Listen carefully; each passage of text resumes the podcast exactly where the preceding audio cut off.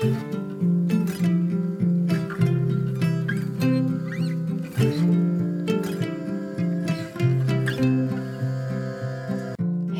och välkommen till For Health med Anna Sparre. Superpopulära Jenny Kos, Vulverin, är tillbaka och ger oss både konkreta tips, väldigt personliga detaljer från hennes eget liv och många tankeväckare. Fertilitetsförståelse, vad är det och hur kan man använda det för biohacking? Det handlar inte bara om att bli gravid eller inte, utan om att lära känna din kropp och tecken på hur den mår. Få en smooth, frisk cykel hela månaden i alla åldrar. Vad säger din cykel om din hälsa? Ett verktyg för att bli gravid, undvika att bli gravid eller för att förstå din kropps signaler och hälsa. Vi pratar också om ägglossning eller inte. Ska vi ta bort vår vanliga cykel, ägglossning och mens med p-piller för att må bra? Här pratar vi om vi ska använda p-piller mot våra besvär, såsom mot rikliga blödningar, PMS med mera. Olika sorters preventivmedel och hur de påverkar vår hälsa. Vad händer med unga tjejer om vi sätter dem på p-piller från tonåren? Vi pratar också om Jennys egen graviditet, fertilitetstips och graviditetsillamående. Och som vanligt konkreta tips såsom hur du boostar din ägglossning och fertilitet, hur du känner igen hälsotecken respektive tecken på ohälsa i din cykel och mycket annat. Jenny var även med i avsnitt 265 som då blev årets populäraste avsnitt. Missa inte att du som lyssnar får hela 20% rabatt på nyttoteket.se. Använd koden SPARRE20. Hos Nyttoteket kan du bland annat köpa benbuljong i form av real broth, kollagen, MCT-olja och andra nyttigheter av högsta kvalitet och helt utan onödiga tillsatser. Och på naturshoppen.se får du rabatt om du använder koden SPARRE. Hos Naturshoppen kan du bland annat köpa de bästa formerna av magnesium, mineraldroppar, torskleverolja, kapslar med lever från gräsbetesdjur och Adrenal Cocktail. Du hittar mig på Instagram som asparre och på facebook.com forhealth.se. Om du gillar och vill ha kvar den här podcasten och den gratis information den innehåller, så engagera dig och gilla, kommentera eller dela på Facebook och Instagram. Och så får du inte missa att lämna din recension i iTunes. Tack på förhand! Glöm inte heller att du kan boka mig som föreläsare till ditt företag eller privata grupper och att du kan gå min distanskurs om du vill få grunderna kring hälsa och viktnormalisering.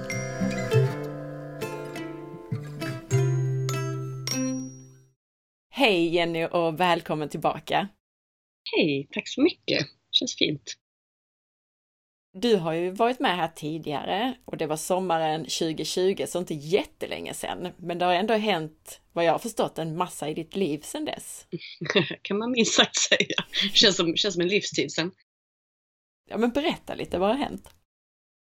Ja, nej men alltså det har ju hänt mycket i allas våra liv sedan 2020. Det känns ju som att det var, det har ju varit ganska omtumlande med många grejer men eh, det största har väl varit att jag har träffat kärleken och jag är gravid nu i vecka 26 as we speak och ja, jag, jag har liksom flyttat och sen har jag flyttat igen och nu måste jag flytta en gång till. Ja, men det har liksom varit mycket sånt och sen under den här tiden så har jag också då ja, jobbat väldigt mycket och bland annat skrivit färdigt min bok som släpps nu i april.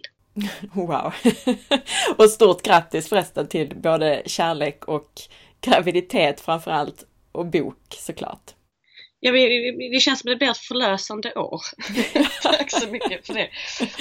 Ja, men det är, det är rätt snabbt jobbat det där måste jag säga, att, att hinna träffa kärleken och bli gravid på typ ett år. Äh, kna, alltså det är inte ens det. Det, det, det är mindre än så kan jag säga. Det, det är mindre än vad alla tror. Uh, men ja, vet man vad man vill så gör man det. Och är det rätt så är det rätt. Liksom. Jag tänkte vi kan väl prata lite om det för att om jag har förstått det rätt så var det ändå en, en fertilitetsresa eller vad man ska säga för dig. Ja men det var det och, och någonstans så finns det liksom förmodligen en, en poäng med det. Eh, jag har pratat mycket om det liksom förut att någonstans har jag känt på mig att att det inte skulle bli så lätt nästa gång. Eh, och jag har också haft, alltså jag har, jag har ju ett barn som är åtta idag.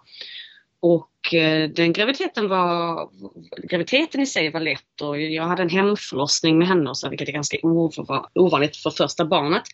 Eh, men det var väldigt okomplicerat allting och jag ammade henne i två och ett halvt år och liksom, jag fick väldigt så här, vad ska man säga, Eh, ja, men jag, jag, fick en relativt lätt resa med henne. Hon är ett väldigt lätt barn överhuvudtaget också så på det sättet har jag känt mig välsignad vad gäller henne. Eh, sen var allting runt omkring jobbigt. Liksom. Jag hade missfall innan och före, innan och före, innan och efter menar jag.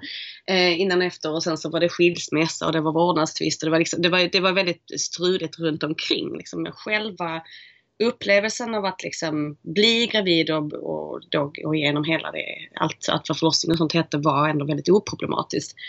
Men sen har ju åren gått och jag har haft det väldigt hårt sen dess. Så det har ju varit åtta väldigt slitiga år, hundår kan man kalla dem, där jag har varit till största delen ensamstående och då samtidigt liksom drivit upp mitt företag och, och jobbat otroligt mycket. Liksom. Jag ligger ju på så 300 procent konstant sedan typ åtta år tillbaka då. Eh, vad det gäller arbetsbörda. Så att jag visste ju med mig att jag var ganska sliten. Och då också lite äldre. Sen är jag i och för sig bara, jag blir 35 här nu om några veckor men det är inte som att jag är, alltså det, det, det, är ingen jättehög ålder men det är ju ändå väldigt skillnad från där man var när man var 26. Uh, så, att, så att jag har någonstans lite så här, kanske har jinxat mig själv där, lagt ett litet ord men att skulle fan inte förvåna mig om när det väl när det väl är rätt och jag vill bli gravid igen så kände jag på mig att det skulle inte vara mer än rätt med tanke på mitt arbete och följarskara. Så jag har ju hjälpt så himla många kvinnor just med ofrivillig barnlöshet och jag vet att jag har många följare liksom i, de, eh, alltså i den gruppen så att säga. Och och ja, någonstans var det så här, ja men det, det, ska väl jag också uppleva på något sätt. Um, och nu blev det då så att jag fick ändå ja, två, två missfall ganska kort inpå, alltså så här, cykel efter cykel och sen är det här då tredje eh, graviditeten i rad så att säga och den här graviditeten visar sig inte vara helt okomplicerad. Så att nu eh, blir det till skillnad från förra graviditeten så är det väldigt mycket liksom, sjukhus, många ultraljud, mycket mer än vad jag hade velat och det här med hemförlossning kan jag glömma. Mm. Sen så är, liksom, vet jag, dels vill jag inte prata så jättedjupt om det men också att jag, vi faktiskt inte riktigt vet vad som är problemet men vi vet att det finns någon typ av avvikelser. Så att vi, vi försöker tillsammans med en hel del specialister och så liksom ta reda på vad det egentligen är som står på. Uh, så att just därför så blir det liksom, det blir inte en hemförlossning till utan jag är hårt övervakad och så får vi se liksom om det kanske till och med blir ett tidigt kejsarsnitt för att någonting behöver opereras eller så. Så det är en väldigt annorlunda upplevelse. Mm. Och eh, som sagt, mitt i allt, det är klart att det är jobbigt för oss liksom och för mig personligen och så mycket oro och sådär men men någonstans om man ska se lite kosmiskt eller spirituellt på det så känns det som att jag, ja men som sagt det sk skulle väl vara så att jag också skulle få den där diametralt annorlunda upplevelsen i jämförelse med då min väldigt lätta första resa. Ehm, där det var lite mer av en ja, men, smooth sailing. Tusen tack för att du delar det här som jag förstår är ett väldigt känsligt ämne. Jag tänkte på det också som du säger, alltså det är ju så att man blir ju ofta bättre på att hjälpa andra runt de sakerna där man själv har haft motgångar. Ja, och så är det ju. Alltså just vad det gäller menscykelproblem och så, det är ju liksom min primära grej att hjälpa folk med diverse menscykel-issues. Där har jag också haft väldigt mycket av det jag hjälper till med. Antingen liksom i, ja men, jag har inte haft så här full-on endometriosdiagnos eller så, men man behöver ju ändå ha upplevt en del av de här med PMS och mensvärk och så vidare. För att, ja, för att verkligen kunna relatera dels i den känslomässiga biten med alla klienter och följare och så som jag har och folk som jag pratar med. Eh, men också rent fysiskt faktiskt. Jag kan säga att mycket av det som jag rekommenderar eller pratar om i form av liksom eh, biohacking och så är, ju saker jag faktiskt själv har prövat och som jag vet funkar. Eh, och sen såklart utöver det så är det också ja, men studier och forskning och, och att titta på alla, alla som jag har jobbat med. Men, men precis som du säger, det, det finns ett enormt värde i att inte bara själv ha haft det enkelt. Alltså då kan man inte relatera. Och om vi nu kopplar det till det som du upplever precis nu, vilka faktorer skulle du säga har varit de viktigaste för att ni skulle lyckas bli gravida? Alltså det är ju för det första är det såklart menscykelkartläggning. Alltså det faktum att jag vet när, jag, när man ska ligga och inte. Det, det gör ju väldigt mycket i det här avseendet att verkligen kunna pinpointa när är jag som mest fertil, när har vi störst chans och sen har jag ju kunnat anpassa mina och hans insatser vad gäller liksom kosttillskott och livsstil och sådär har vi ändå kunnat i viss mån ja, tajma enligt det. Så till exempel är det det här med D-vitamin och sånt som, som jag pratar mycket om vad det gäller att boosta ägglossning. Mm. Eh, så det har jag ju gjort och så men jag kan inte säga att jag har varit någon eh, vad ska man säga, modell och förebild i, i, alltså i fråga liksom kosttillskott och allt sånt där. Alla saker man hade kunnat göra. Det är klart jag hade kunnat göra mer. Men så, så är det ju alltid. Eh, och jag har aldrig liksom låtsats vara någon sorts guru i det här avseendet. Att jag ska sitta här på en hög häst och, och berätta folk att ja, men gör ni bara som jag så kommer ni må jättebra för jag har aldrig följt alla mina egna råd. och, och, jag är också väldigt öppen med att det, det har jag ju fått lida för liksom ibland. Eh, sen är just den här situationen med, med barnet nu har ingenting med det att göra. Det är någon sån här genetisk liksom, eh, som in, ingen vet vad det handlar om. Det finns ingenting som jag kan skylla på mig själv för eller så. Men, men eh, även i övrigt. Till exempel jag har mått illa nu i 26 veckor. och där vet jag ju med mig att det finns saker jag hade kunnat göra för att motverka det. Mm. Som jag inte har gjort för att jag istället fokuserat på att skriva en bok om kvinnohälsa. för att hjälpa andra att optimera sina hormoner. Och då har jag suttit uppe hela natten och låtit min stackars lever bli alldeles överarbetad och sen har jag mått fruktansvärt illa. Som sagt nu ända in i vecka 26. Så att eh, det, det, är ju det där man får liksom väga, väga, ja, välja sina strider kanske är bättre uttryck. Mm. Jag undrar själv över det där ibland, hur man prioriterar det där. Att man bortprioriterar sig själv så mycket. Eh, för jag känner igen mig så mycket i det du säger där, att ja, ja, men nu skriver jag en bok för att hjälpa andra när jag borde hjälpa mig själv. Ja. Men det är väl ett annat ämne gissar jag. Ja, det, det är svårt att väga. Men hur som helst så tänkte jag, för du nämnde det här nu, D-vitamin till exempel, och det, jag tror du nämnde det i vårt förra avsnitt, 265, att man kan ta en hög dos D-vitamin för att boosta ägglossning. Är det något särskilt man ska veta kring det? Alltså när tar man det i så fall? Spelar det någon roll? Ja, alltså det är lite, lite stort ämne som jag tror att vi inte ska ta liksom, för djupt här och nu för risken blir att det blir missförstånd. Det är så många infallsvinklar på det liksom. Men eh, jag har, jag har ett webbinar, alltså på min webbinarsida där jag går igenom det helt och fullt. Alltså man vet att det finns lite mer fördjupning där. Eh, men eh, i, i, alltså, i, stor, i väldigt korta drag så är det Eh, att man tar en högre dos D-vitamin. Och jag, jag, vill inte sitta här i en podd och säga exakta doser heller därför att det kommer ju bero på vad är din status sen innan och tar du alla andra näringsämnen eller får du i dig alla andra näringsämnen som, som samarbetar med D-vitamin. Men att man har helt enkelt en ordentlig boosterdos och tajmar den strax innan ägglossningen. Och då behöver man ju också ha lite kunskap om cervixsekret och sådär för att kunna liksom se, okej okay, men när är vi riktigt nära ägglossningen?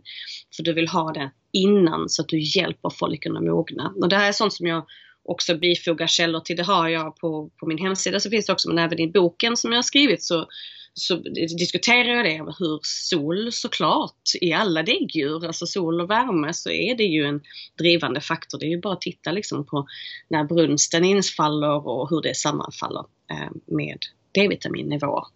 Så att det, det verkar funka väldigt bra för att boosta ägglossning och det gäller ju inte bara att bli gravid men också att, så att säga, få en bättre ägglossning vilket ju hjälper din hormonhälsa i stort det här med illamående, min erfarenhet är att det ofta kan vara kopplat till brist på vitamin B6. Är det någonting som du känner igen? Jo, alltså absolut, men det är så många infallsvinklar på det och någonting som jag faktiskt har, alltså jag, för, jag har funderat mycket över detta under min egen graviditet av given anledning. Men eh, dels kan det absolut vara näringsbrister men vad det gäller B-vitaminer så är de mycket kopplade till levern och leverns funktioner. Levern är ju till för att kunna bryta ner hormoner bland annat. Eh, och det man ofta mår illa av är, är de höga östrogennivåerna. Så att det här gäller ju även alltså om, om du är en ägglossande person så har du kanske märkt att du kanske till och med känner lite illamående precis innan ägglossning. Eller om du har en cysta ännu mer så som då sprutar ur sig östrogen så mår folk ofta illa.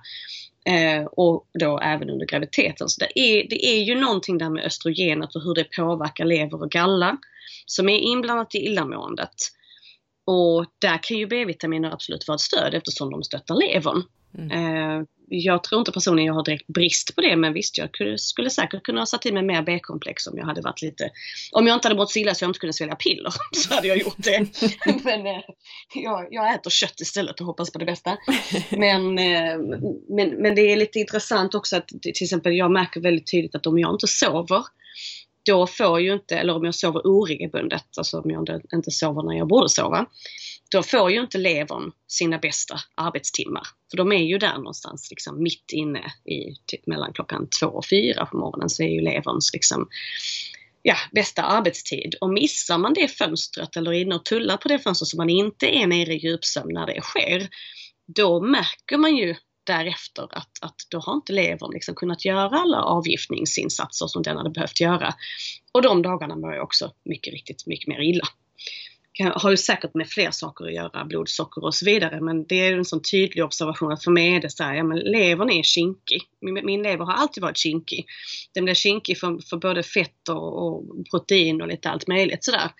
Eh, och behöver verkligen den nattsömnen och det har jag inte kunnat göra för att jag har suttit upp och skrivit. Jag har massor med andra barn också att ta hand om. Så det blir liksom nattetid som är arbetstid här och eh, det har ju helt klart eh, tagit ut sin rätt.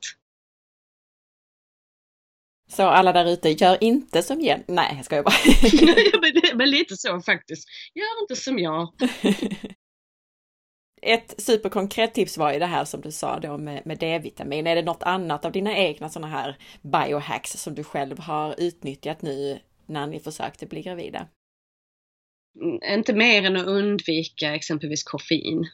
Alltså så att jag, jag vet ju med mig att jag är väldigt känslig för det. Ehm, och det är min man också. Så att båda vi två höll oss ifrån alltså uppenbara så här, stimulansämnen, alltså med koffein och så. Eh, för att inte, ja, bara njuta och ta det lugnt istället. Mm. För att, för att liksom stressa upp sig med, med hjälp av diverse medel.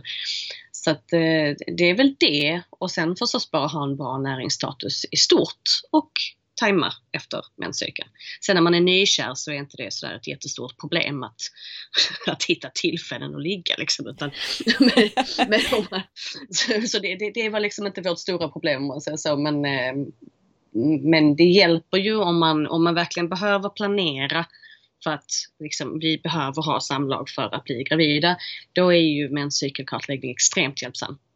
Eh, medan för mig var det bara så här, oh ja men idag, idag är det sekret så idag är det ännu högre chanser. Jag tänker eftersom du har en bok på gång om just fertilitetsförståelse så ska vi prata lite om det idag i alla fall. Vad betyder egentligen det här begreppet fertilitetsförståelse?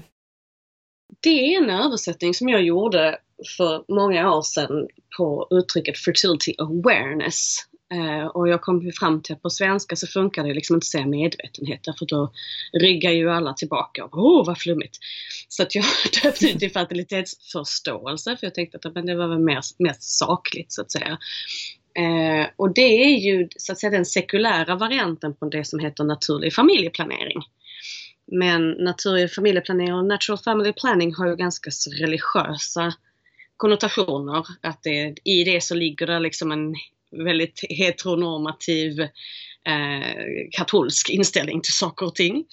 Eh, att det handlar ju mer om att man ska liksom planera sin familj helt enkelt. Eh, Medan fertility awareness då är liksom den sekulära utvecklingen av det där man det handlar ju mycket mer om att du helt enkelt ska förstå vad som pågår i din kropp. Eh, och vetenskapen bakom har ju hållit på sedan början av 1900-talet och utvecklats och då är det ju att man följer Eh, först har man då forskat på och så har man liksom på olika sätt lärt ut och det finns många olika metoder under fertilitetsförståelse kan vara bra att veta. Eh, så det är ju ett större begrepp för många olika metoder. Jag jobbar med något som heter justismetoden. Men vad alla de här metoderna har gemensamt är att de har en gemensam vetenskaplig grund i att man vet ett antal biomarkörer då som man kan lära sig att observera och kartlägga och tolka. Och då är det Eh, cervixsekret och det är basalkroppstemperatur. Det kan även vara cervixposition och öppning och textur. Eh, och eventuellt även övriga tecken, smärtor och, och humörsvängningar och annat sånt som man också kan väga in. Men främst så bygger det då på cervixsekret, att man helt enkelt tittar på vad det är cervix utsöndrar. Och cervix sitter ju liksom längst upp i vagina så det här är inte samma sak som dina vanliga flytningar som du har varje dag. Utan det handlar om det här andra som man brukar reagera på i jämförelse med sina vanliga flyttningar. Där man, där man liksom kan se att oj, det här var någonting annat. Det här var mycket mer substans liksom, eh, än vad din, dina vanliga flyttningar är. De kommer ju från slidväggarna så det är från olika, eh, det är olika beståndsdelar också och olika ställen det produceras på. Och cervixsekretet produceras ju bara när du är fertil. Alltså när du har så pass höga östrogennivåer från dina växande ägg så att cervix bestämmer sig för att bli lite gästvänlig. Och därmed alltså släppa in spermier som den annars håller ute från de inre genitalierna.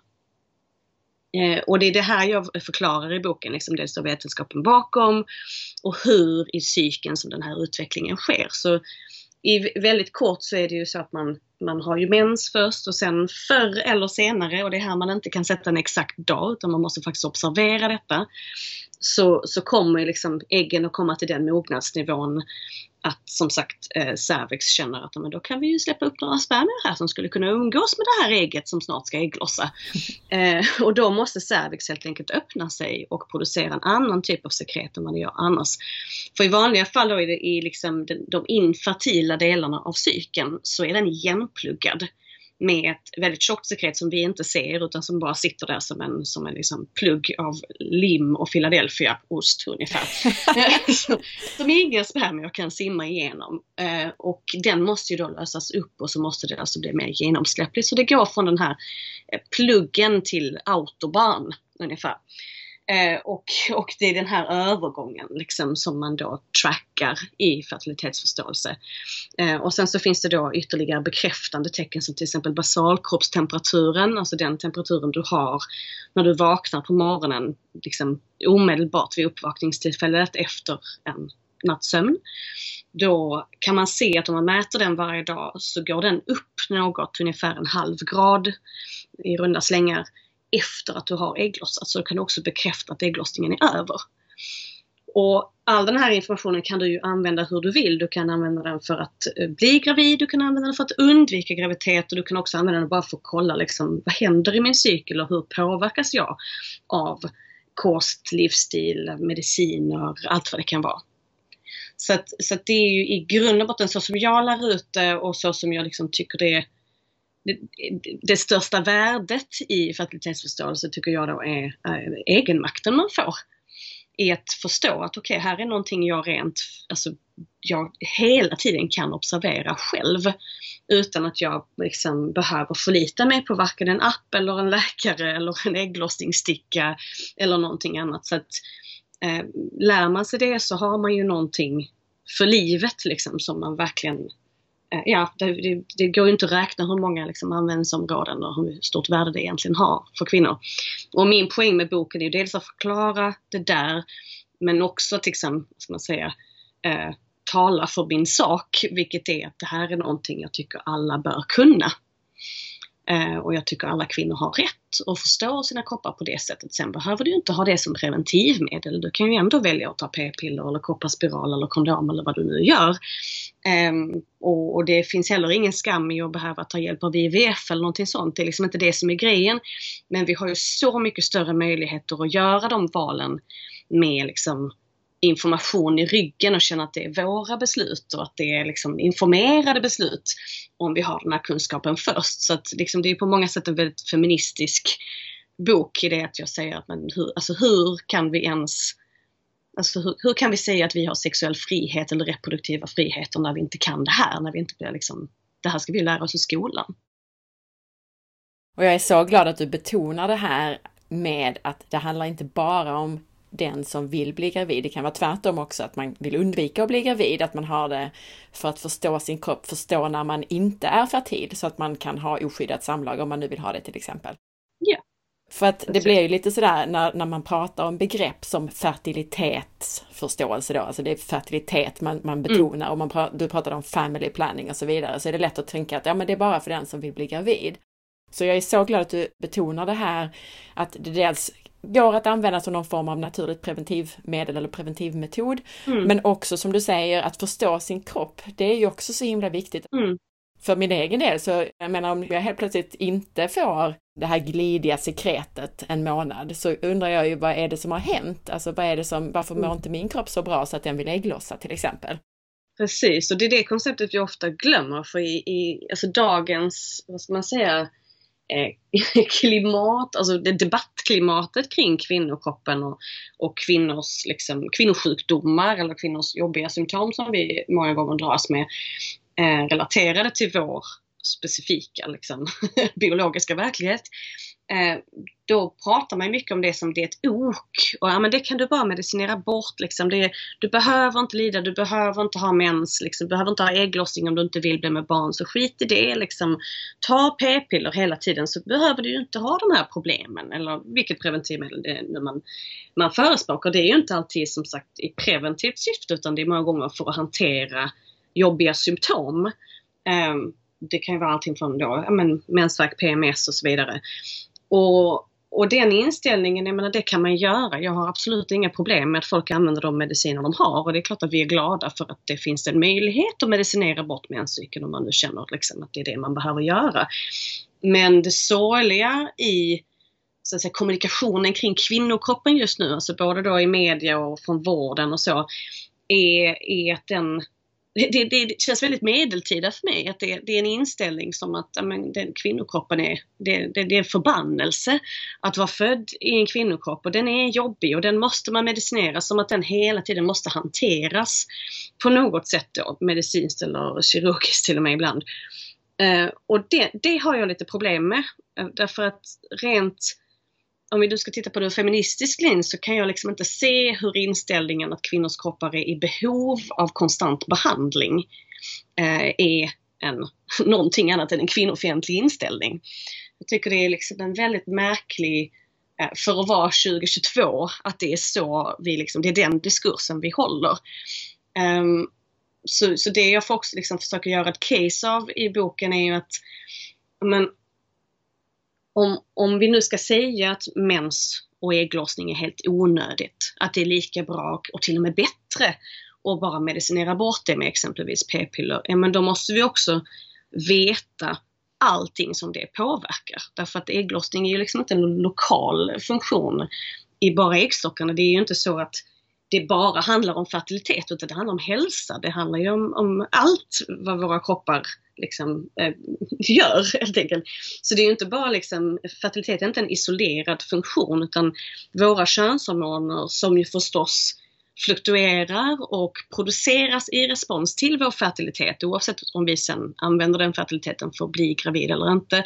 Men de könshormonerna påverkar alla celler hela tiden. Så där är ju hur många kroppsfunktioner som helst som är just alltså bifasiska, att de, vi har liksom en follikulär fas, det vill säga första delen av menscykeln och vi har lutealfasen, andra delen av menscykeln och där är ju kvinnor alltså väldigt, väldigt an annorlunda från män i att, att vi har det här skiftet. Eh, och vi har då en anpassning av väldigt många andra saker ner till då metabolism. Alltså eh, ut efter de här hormonsvängningarna. Eh, och då kan jag känna liksom att om man då ska säga att ja, men forskningen säger att det är så bra att inte menstruera för då får du inte järnbrist. Eller, forskningen säger att, eh, att ägglossa för många gånger uh, i sitt liv det är en ägg, eh, äggstockscancerrisk jag säger, ja, må så vara att, det, att det finns underlag på att det kan vara problematiskt att ha sin egen menscykel, speciellt om den är obalanserad och hormonerna är liksom lite ur kontroll så att säga. Men det, det, alltså det uttalandet, det påståendet måste ju också backas upp av en fullkomlig kunskap kring precis allting som ägglossning och mens innebär för kvinnokroppen och för vår hälsa. Och det underlaget finns inte. Den evidensen existerar liksom inte. Så där är ingen, där är liksom inget, inget stöd för att säga, alltså du, du kan ju inte säga att vi inte behöver någonting om du inte kan bevisa varför vi behöver det heller. Om du inte ens har brytt dig om att gå på djupet med varför skulle de här kroppsfunktionerna troligen kunna ha en poäng? För man kan ju ändå någonstans anta att evolutionen inte har gjort helt fel med våra kroppar. Mm. Utan att det kanske finns lite mer av en poäng förutom barnalstrande i att vi har de här hormonerna. Precis. Den här diskussionen är jätteintressant och vi, jag tänker att vi ska fördjupa oss i den. Bara så att folk för ännu lite mer grundläggande förståelse. För att det är så att hur man själv kan lära känna sin cykel och det, det pratar vi ju om i avsnitt 263 med din kollega Disa Minör. Mm. Och också det här om en eh, normal cykel, mående, vanliga besvär som rör cykeln och, och menstruationen och så. Så lyssna hemskt gärna på det här fantastiska avsnitt 263. Men jag tänkte ändå lite grann, för du nämnde de här sakerna som kanske är helt nya för en del lyssnare, det här med sekret och, och temperatur och så vidare. Bara så att man förstår vad det är du nu refererar till det här med hur vi får makten över att förstå om våra kroppar mår bra och så vidare genom att faktiskt ha koll på det här, genom att inte medicinera bort eller ta p-piller mot allt det här. Så att bara lite grann det här, du nämnde då sekret, basaltemperatur först och främst, är det någonting annat än det som är det viktigaste om man säger så för att följa sin, sin cykel och sin fertilitet? Mm. Nej, det är, det, det är de två liksom viktigaste stöttepelarna. Mm. Eh, du kan till och med skippa basalkroppstemperaturen men den är, det är väldigt skönt därför att det är bara med basalkroppstemperatur som du kan bekräfta att ägglossningen verkligen har skett. Det är faktiskt ännu bättre indikator än vad till exempel ägglossningsstickor från apoteket är. Eh, så cervixsekretet kan berätta för dig när du är fertil, när du har så pass höga östrogennivåer i kroppen så att det nog är ägglossning på gång. Eh, och basalkroppstemperaturen kan bekräfta i efterhand att nu har ägglossningen varit. Sen så kan du lägga till då cervix position. För det första måste man veta vad cervix är. Det är ju din livmodertapp, din livmoderhals. Så det är ju den du känner om du går in med fingrarna i vaginan. Ibland kan man behöva stå på huk för att känna den. Det beror lite på hur djup vagina man har och hur man är vinklad och så där inne. Men, men ofta så känner man ju den som en ja, alltså jag brukar säga att det känns lite som ett plommon ungefär som, som liksom sticker ner och där är en fördjupning i mitten. Alltså det är då ingången genom livmoderhalsen upp till livmodern. Den kan du inte få in ett finger. Du kan känna att det är ett hål. Men det är inte så att det är öppet ifall du inte håller på att föda barn. Då är det öppet för det är därifrån barnen kommer ut. Men eh, cervix är då liksom eh, ja, detta som du hittar längst upp i vagina. Eh, och cervixsekretet kan man ju dels hitta även om man skulle pilla där varje dag, men det behöver man inte göra. Det kanske inte är så tillrådligt alltid. men, men det kommer ju ut, det rinner ju ut helt enkelt. Så man observerar på sitt toalettpapper eller precis vid vulvans mynning Eh, alltså vaginas mynning där, eh, ja, eller i trosorna till och med. Så, så det finns lite olika mellan olika metoder hur man gör sin observationsrutin. Med den metoden som jag arbetar med så, så tittar man på toapappret vad som hamnar där helt enkelt. Så man får in en rutin av att alltid liksom innan man har kissat och efter man har kissat eller vad man än gör på toaletten så kollar man vad som hamnar på toapappret så torkar man på ett visst sätt så att man liksom får med det som eventuellt kommer ut där. Och gör man det en längre liksom, period så ser man ju skillnad. Eh, till en början så kan det kännas helt vilt liksom, som en rutin betraktat därför att många av oss har ju aldrig ägnat uppmärksamhet åt det. Mer än när vi plötsligt vet, någon gång har upptäckt en riktigt stor snorblob och tänker oj oj oj vad var detta, det var något konstigt. Och då blir många rädda och tänker att åh oh, men gud, liksom, jag måste vara sjuk, det är någon infektion eller sådär. Ehm, men det är det inte utan det är alltså en, en helt normal kroppsfunktion och den går att tracka. Så själv har jag ju använt mig av detta sedan jag var 18. Så jag har inte haft någon annan preventivmetod sedan dess.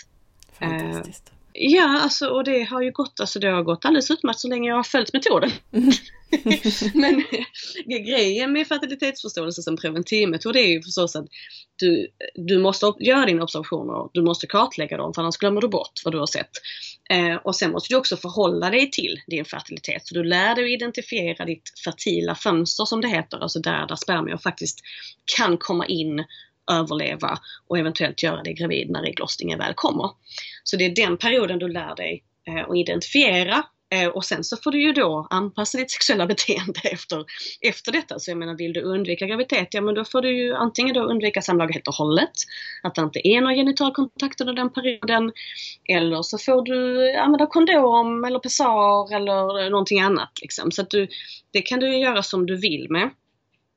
Eh, det är viktigt att poängtera här att om du väljer p-piller eller något sånt, då har du ingen menscykel alls. Så då gäller inte de sakerna som jag precis berättade. Alltså de här cykliska förändringarna och ägglossningen, det är ju meningen att p-piller och liknande preventivmedel ska kväsa det. Alltså du ska inte ha någon ägglossning om du går på ett hormonstörande preventivmedel. Det är hela tanken. Liksom. Men så länge du har din cykel så finns det ju faktiskt barriärmetoder och så, alltså olika grejer som du kan göra helt enkelt för att se till att sperma inte möter det där fertila sekretet, cervixsekretet under den perioden. Um, och ja, jag har lyckats, tycker jag, relativt bra. Sen så vet jag ju med mig att det har varit någon alltså, oönskad graviditet och det har ju varit för att jag har fuskat. Eh, och ja, det kan jag ju ta ansvar för själv. Jag visste exakt vad jag gjorde när jag gjorde det och tänkte det här är risky. Ja, och så fick jag betala för det. Mm. och så, så, är det ju liksom. Så det är ju en metod som bygger på disciplin och kunskap. Um, men som sagt att kunna det och att veta vad det är man ser och veta vad kroppen kommunicerar dag för dag. Det är det som är det stora värdet. Det, det, handlar liksom inte om att men du måste göra så här eller så här eller om du... Ja, du ska, du ska, det handlar inte om att vara duktig helt enkelt. Utan, utan det handlar om att det här är en enorm egenmakt i att du förstår vad det är din kropp gör och varför. Och bara för att konkretisera det du sa lite. Jag förstår att man behöver verkligen kunna detaljerna för att använda som en, det som en preventivmetod. Men bara för den som vill börja förstå sin egen kropp så är det väl så att just det här att när det är det här glatta genomskinliga sekretet som hamnar på pappret, som många känner när de väl börjar observera och tänka efter och har hört det här. Det är väl då ungefär som man är fertil och har sin ägglossning. Det börjar väl komma där innan, så att säga. Ja, alltså, och det är ju väldigt förenklat det du sa nu. Mm. Ja, alltså det här äggviteliknande sekretet som du pratar om, det är ju crème de la crème. Ja. det, det, är ju liksom the best of the best. Uh, vilket um, ibland kan vara lite för sent. Alltså där är ju ofta fertila förändringar som så att säga öppnar det fertila fönstret innan dess att du ser en äggviteblob. Så att eh, vill du ha det som preventivmetod så, så skulle jag verkligen, verkligen rekommendera att du hittar en handledare i någon av de certifierade, etablerade metoderna eh, och, och verkligen lär dig det fullt ut så att du kan reglementet kring det. För det är lite farligt att bara säga att ja men håll utkik efter äggvitan så, så vet du att det är då du är fertil. Det är tyvärr lite mer komplicerat än så. Mm. Men jag, jag, försöker liksom att förklara det i boken men boken i sig är inte, det är faktiskt inte en instruktionsmanual utan även där är jag så här, skaffa en handledare. För det räcker inte att bara liksom lära sig lite om sekret för att ha det som sin primära preventivmetod faktiskt. Och jag förstår att du behöver varna för det, men jag ser också värdet i, alltså många här är antagligen förbi sin, alltså de har redan liksom skaffat sina barn och de är kanske 45, närmar sig 50 och är mer intresserade av, okej, okay, är min kropp, ägglossar jag som vanligt, fungerar den precis som eh, den gjorde för tio år sedan?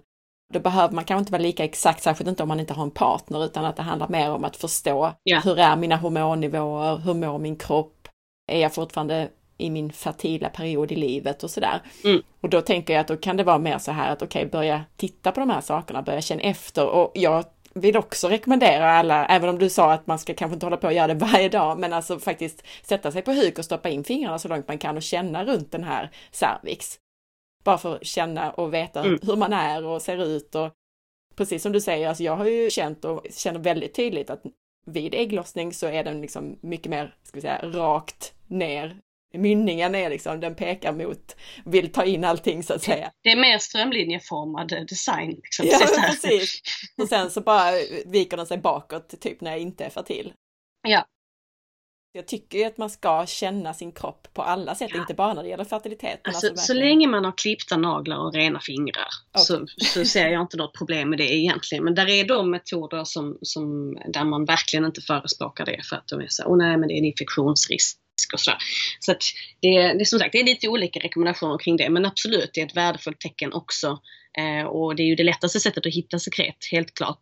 Alltså det ligger ju ibland där uppe och gömmer sig ett tag. så att stoppa med din finger så kommer man hitta något. Ja. men jag tänker också på, vi har ju också gjort ett avsnitt om cellförändringar, 264. Och där är det också så att mångas erfarenhet är att särskilt de som har lite få eh, cellförändringar då på livmoderhalsen på cervix, att de som, i alla fall de som har lite mer, att de ibland till och med kan känna lite sådär knöligt, vårtor och liknande. Mm. Och att det också kan vara en bra grej att, att ha lite koll Ja, verkligen. Och, äh, alltså, det här med knöligt och skrovligt och så är ju definitivt ett varningstecken men även innan dess kan man se förändringar i sitt sekret. Att, att det beter sig konstigt, att det kanske klumpar ihop sig på ett visst sätt eller att det är missfärgat eller att det försvinner. Och så där. så, att, så att det, det är otroligt värdefullt ur hälsosynpunkt. Som sagt oavsett vad man sen använder för preventivmetod. Är det något annat där som du tycker att vi ska prata om idag när det gäller ska säga, biohacking, när det gäller fertilitetsförståelse? Alltså just fertilitetsförståelse är ju någonting som jag tycker att man behöver liksom sätta sig in i om man, om man verkligen vill ägna sig åt det. Men precis som du säger så är det också ett, för många ett stort steg framåt att bara börja ägna uppmärksamhet åt de här förändringarna. Så att vill man göra det seriöst och som sagt som preventivmedelsprogram, då, då behöver du verkligen du behöver ta hjälp och du behöver läsa på och du behöver verkligen förstå det på djupet och förhålla dig till reglerna och allt det där. Men, men som du säger, långt innan dess, bara det att sätta upp liksom en liten almanacka på toaletten och skriva ner när blöder du, när, när får du sekret och så vidare. Lite mer avancerat än många av de här apparna gör. För att problemet med apparna Eh, det är ju jättekul att det finns så många appar numera och jag tycker ändå att det är ett framsteg att det uppmuntrar kvinnor att överhuvudtaget ägna uppmärksamhet åt sina kroppar och de kan ju vara väldigt hjälpsamma och trevliga att titta på och sådär. Men det är ju en algoritm. Så att appar är ju egentligen som det här säkra perioder. Mm, du har talat om det, men det är så här, det som folk gärna klumpar ihop det här med att säga, men det är som säkra perioder, det vet ju alla att det inte är säkert. Men säkra perioder som metod betraktad, det är i princip att man gissar hur menscykeln kommer att vara.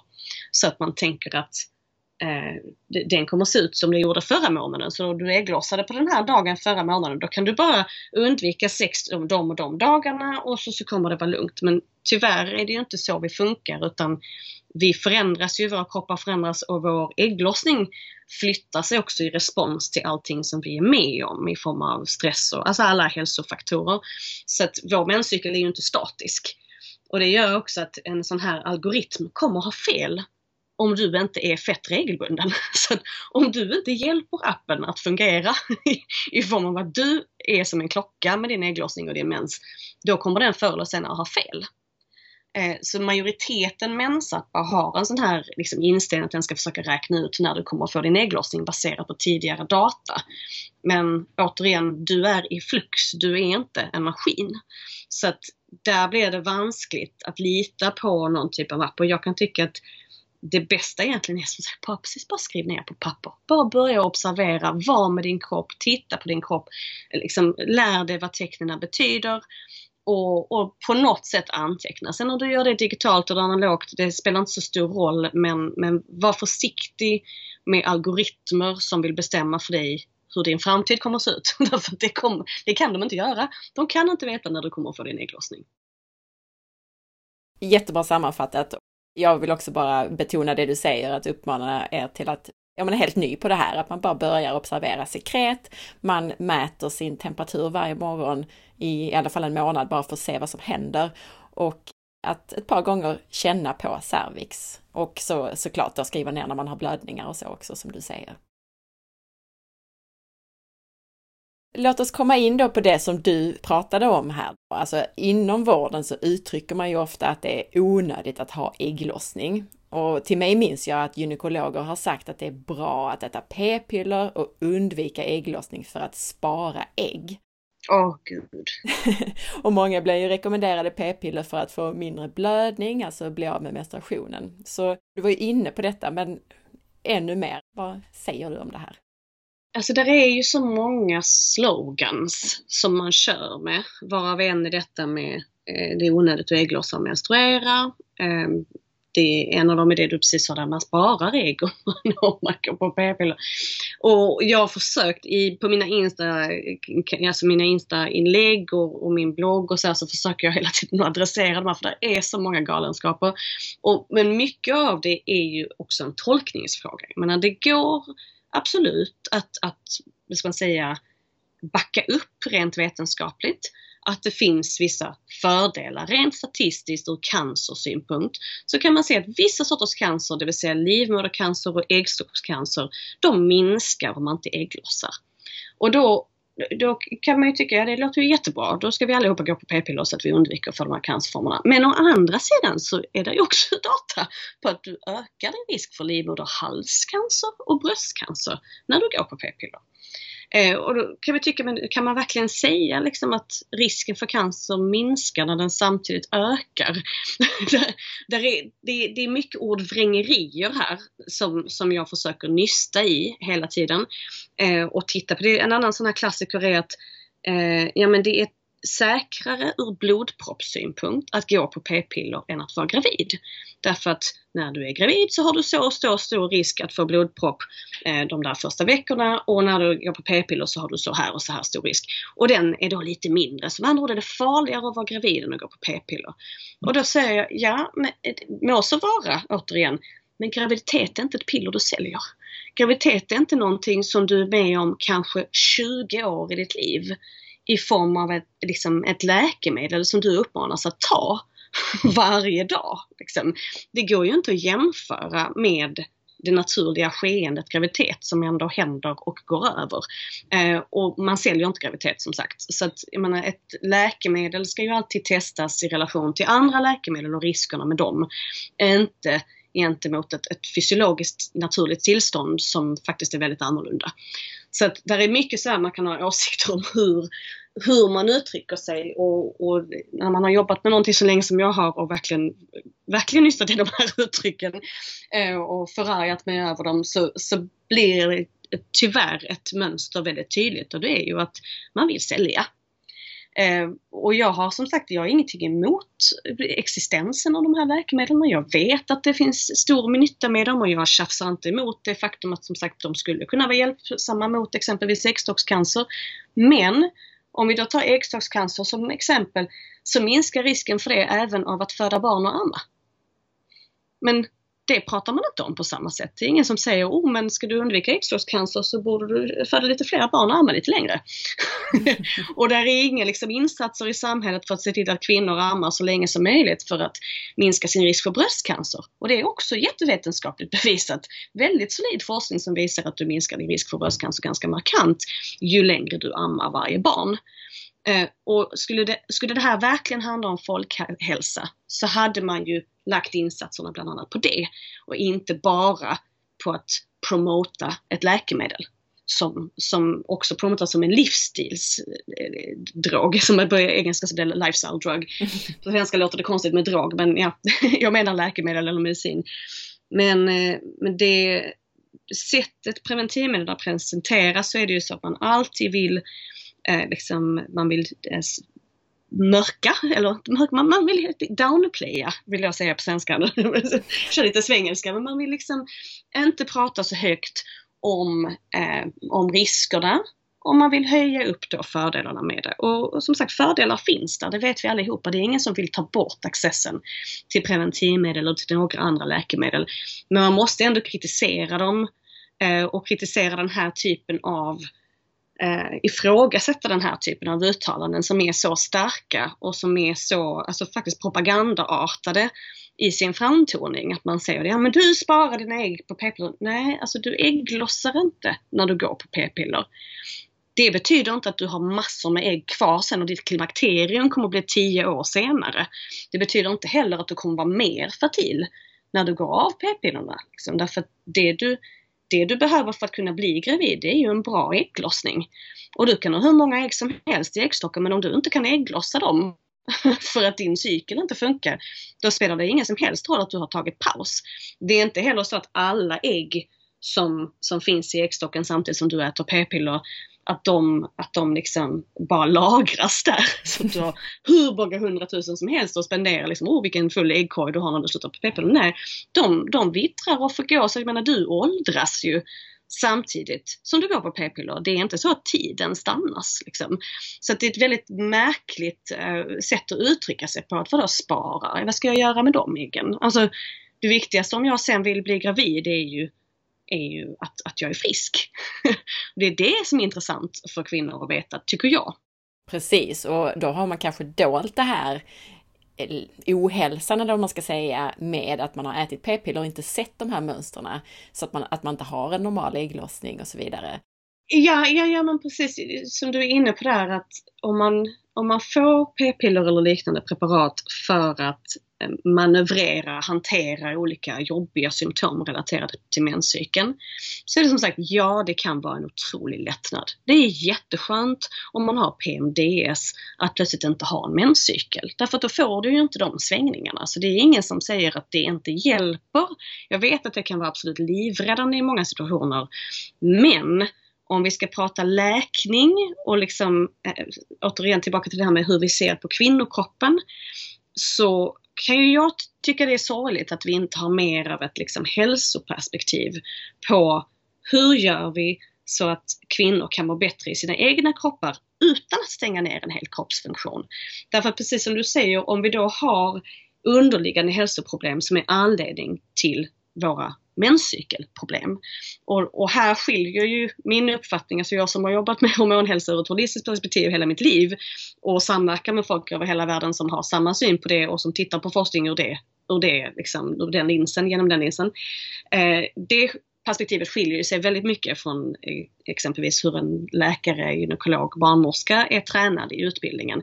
Därför att där ser man ju på det som att finns det ett symptom eh, som då, vi tar exemplet PMS, uppstår precis där, där vi producerar progesteron. Så vi, liksom, vi har i lutealfasen, den andra delen av cykeln, alltså efter ägglossning och fram till mens.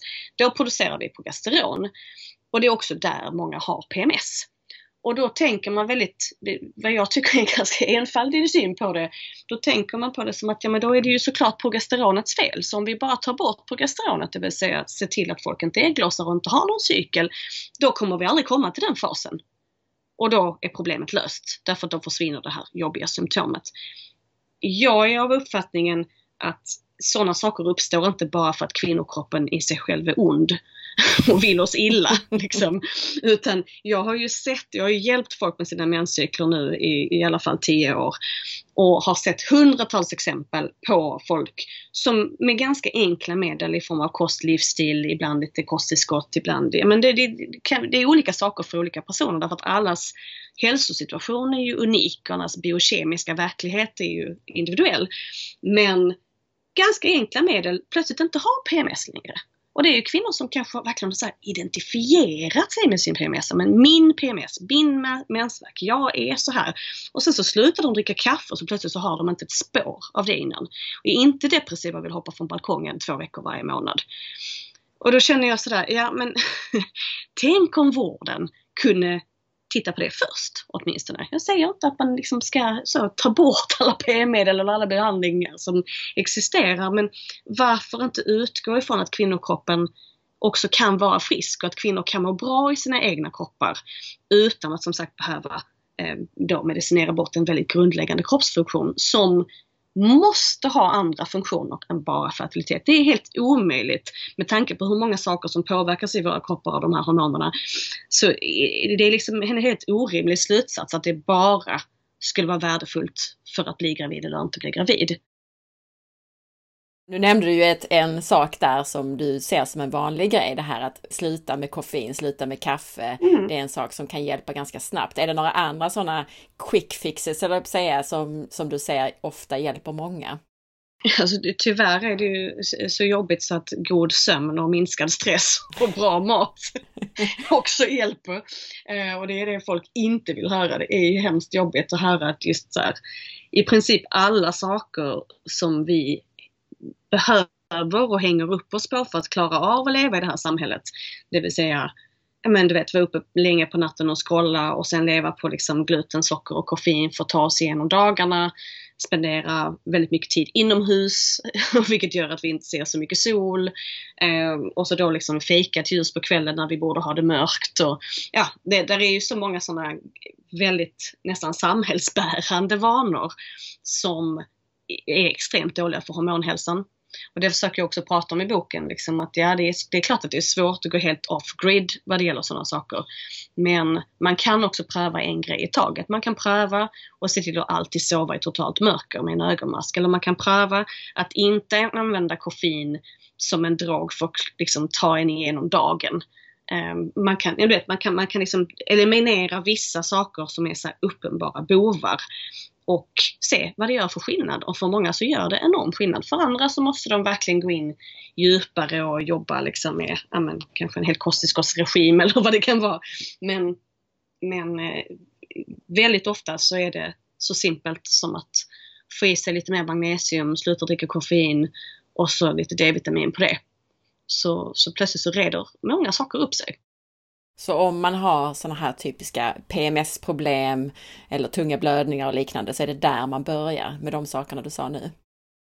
Ja, det skulle jag säga. Men jag har alltså, som sagt, alla de här olika problemen, alltså mensvärk respektive PMS och PCOS och så, de har ju lite olika grundanledningar eh, många gånger. Så det är det jag försöker göra med mina webbinarier också. Jag försöker förklara i de här föreläsningarna, okej, okay, vad kan till exempel påverka PCOS och vad kan du tänka på i det läget? Men ja, i grund och botten, menar, äta näringstät mat, se till att man inte spolar ut den näringen i andra ändan direkt med hjälp av då vätskedrivande medel. Um, och ja, men sova gott på natten ungefär där man ska sova och i ordentligt mörker och sen få mer D-vitamin både genom sol och, och mat eller kosttillskott.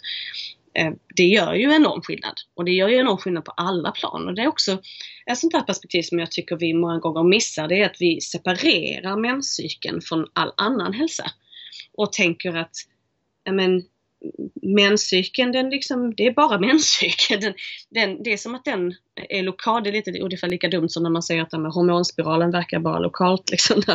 Uppenbart så färdas ju hormoner i blodströmmen. De är inte lokala i livmodern eller någon annanstans. Um, men så att menscykeln är ju intrikat sammanvävd med precis allting annat. Så att din mentala hälsa eh, är ju kopplad till till din menscykel och till din tarmhälsa och ja, du vet. Så där, där är ju hela tiden, jag menar sköldkörteln och binjurarna de är också gifta med varandra. De har en konstant kommunikation och allting hänger ju ihop. Så det, det, mitt budskap är ju alltid att ja, du kan behöva jobba på ett speciellt område, exempelvis om du har insulinresistens. Ja men då är det ju kanske där du ska lägga dina insatser. Du kanske ska titta på hur mycket kolhydrater och socker du får i dig och bla bla bla. Men där är också vissa grundsanningar som faktiskt hjälper väldigt mycket till att börja med. Och de kommer att hjälpa menscykeln också. och de kommer samtidigt att reda upp en hel del andra problem som du upplever att du har. Mm. Så det som hjälper grundhälsan hjälper också menscykeln. Ja. Sen kan det ju finnas andra problem precis som du säger, men, men sömn och kost och så vidare är ju sådana här grundläggande saker, absolut. Och du var ju inne på det här att okej, okay, en lösning skulle ju vara att vi ammar längre och vi föder fler barn och så vidare. Och för vissa är ju inte det aktuellt att, alltså nej, visst, nej. amma längre kanske, men just det här med att man kanske inte vill ha något barn eller att man vill ha ett barn bara. Mm. Inte 15 som, Precis. Man, som man gjorde för länge sedan. Och mm. många som förespråkar det här med p-piller och att man inte ägglossar menar ju att det besparar kroppen, eh, att det inte är normalt att ha ägglossning varje månad hela livet eftersom vi är gjorda mm. för att vara gravida och amma mycket större del av livet än de flesta gör idag. Kan vi bara ta den också, alltså hur besvarar du det? Ja, alltså jag, jag, tycker att det är också ett sånt här argument som man kan vända och vrida lite på. Jag förstår helt vad man menar, för man kan ju inte heller säga till folk att ett, ja, men för att undvika äggstockscancer så ska du skaffa 15 barn. Alltså det är också en helt orimlig rekommendation. Eh, man kan ju inte skaffa barn heller bara för att men det skyddar mot vissa saker. Det är ju också otroligt taxerat. Alltså det är ju dyrt biokemiskt dyrt att vara gravid och amma, så är det. Så att det är också slitsamt för kvinnokroppen. Eh, och som sagt, många vill helt enkelt inte. Alltså av diverse skäl så, så kan eller vill man inte leva så. Men när man säger då att, ja förr i tiden, för det är lite där, det är därifrån det här argumentet med att mensen är onödig kommer. Det var en bok som skrevs på 80-talet, jag tror det är 85 eller sånt, det skrevs en bok som hette Is menstruation obsolete? av en gynläkare. Eh, och han eh, menade då på att ja, men på stenåldern då menstruerar vi inte lika mycket. Liksom. Så att eh, det är ju helt orimligt eh, att jämföra det med idag. Alltså för att det är så himla olika. Eh, och då borde vi ju ha fått eh, vi borde ha fått mens senare, vi borde ha varit gravida och ammande mycket längre och vi borde ha dött tidigare. Så att därav så är det liksom det kroppen är inställd på och då, har, då är det inte så många blödningsperioder så förlorar man inte lika mycket blod och bla bla bla. Eh, men ju mer jag har tänkt på det genom åren så säger jag, men det, det har ju alltid funnits kvinnor som av olika anledningar inte skaffar barn eller så många barn. Eh, det finns änkor och det finns nunnor och det finns, alltså det, jag menar preventivmetoder har ju också alltid existerat. Det har vi ju liksom bevis för 2000 år tillbaka i tiden. Och så preventivmetoder har funnits. Och menskalendrar har funnits, alltså olika sätt att kartlägga sin cykel och jag menar 28 dagars kalender och månad. Alltså det är ju inte så att det inte existerar några bevis på att kvinnor har haft menscykler i rätt stor utsträckning. Så att visst, jag kan förstå argumentet men ska vi då utgå ifrån att vi ska leva likadant liksom, idag i form av att vi inte menstruerar, då kan vi inte heller jämföra att gå på p-piller hela tiden med den situationen. Utan vi måste ju titta på vad, vad vill kroppen göra i sig själv? Vad är meningen med de här funktionerna? Som sagt, där har vi inte riktigt evidensen inne till fullt. Eh, med, vad gäller liksom alla implikationer av ägglossningen och de hormonförändringar som sker.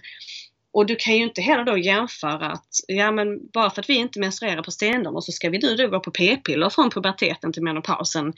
Som att det är då naturligt. för det är inte samma, det blir inte samma sak i kroppen. Det är en helt annan, liksom ett helt annat hormonellt utgångsläge. Eh, och sen så tycker jag också det är märkligt att man, man tittar på, alltså man vet rent medicinskt så, så vet man ju att en frisk kvinnokropp menstruerar och ägglossar i princip alltid. Vi vet att, att det, den funktionen försvinner när vi är under svår stress, när vi, när vi eh, är utsatta för svält eller utsätter oss själva för svält för den delen, när vi tränar för hårt, alltså när kroppen på olika sätt måste bortprioritera fertiliteten så försvinner ju ägglossning och mens. Är det, är det det tillståndet vi vill sträva efter? alltså, det, det, det är liksom Eh, ja, det, det, det, är ett märkligt tankesätt att utgå ifrån att okej, okay, det var förmodligen så här på stenåldern. Vi kan ju inte bevisa det, men, men det var förmodligen så här för ganska många kvinnor att de sällan menstruerade. Eh, och därför så ska vi försöka uppnå någonting typ likadant nu. Men var är analysen kring vad det innebär? För att som sagt, det kan aldrig vara exakt samma sak som det var då. Om vi nu ska utgå ifrån att det var så det var. Förstår du vad jag menar? Mm, mm.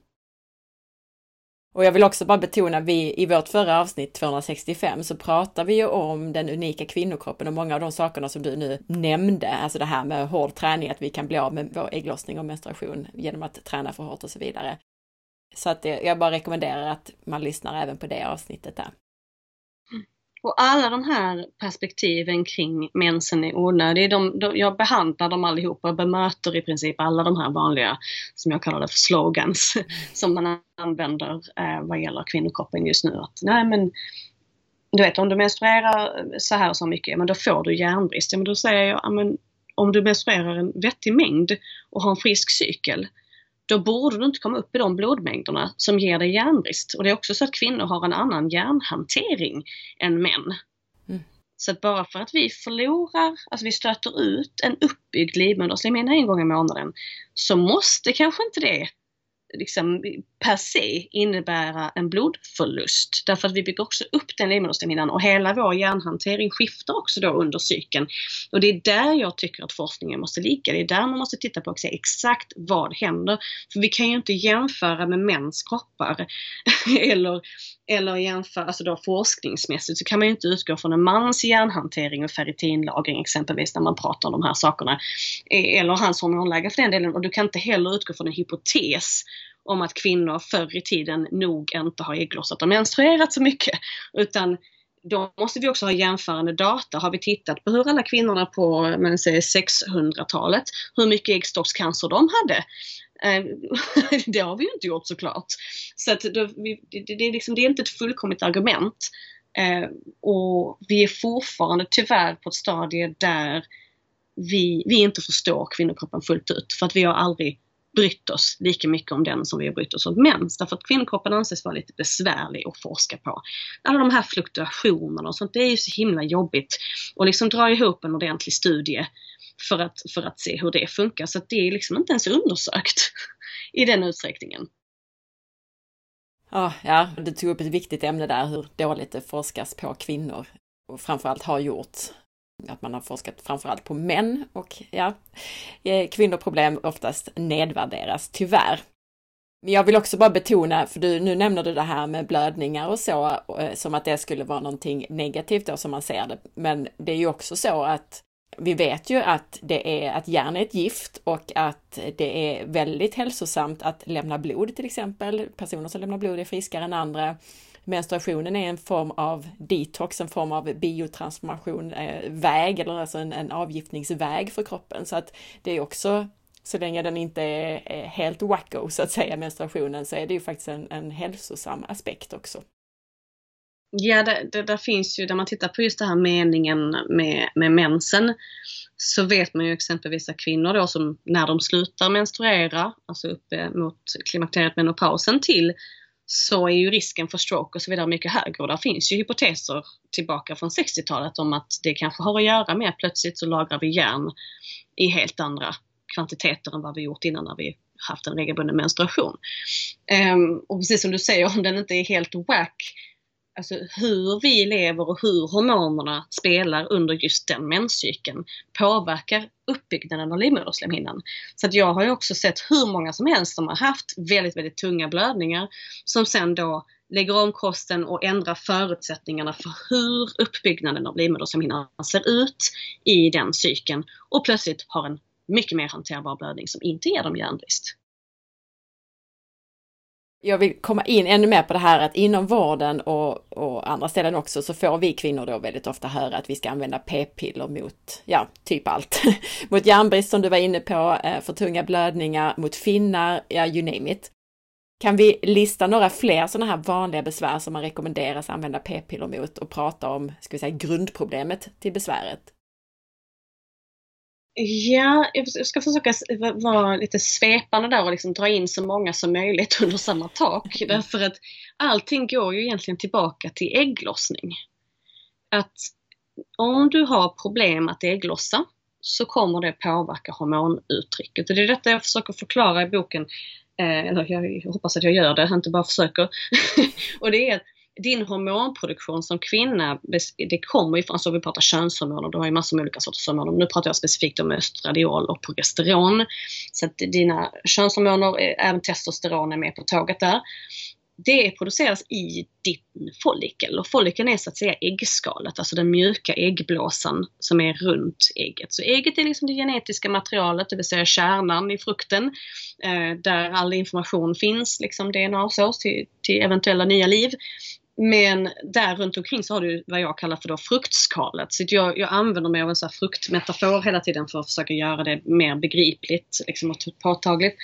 Eh, och säger då att ja, men i det här fruktskalet och då follikens skal så har du ju hormonproduktionen och som sagt dina förutsättningar för att odla det här, den här frukten eh, då i form av som sagt eh, eh ja, men hur mycket stress du har i ditt liv, hur mycket du äter, hur mycket du vilar, vad du äter och så vidare. Och så vidare.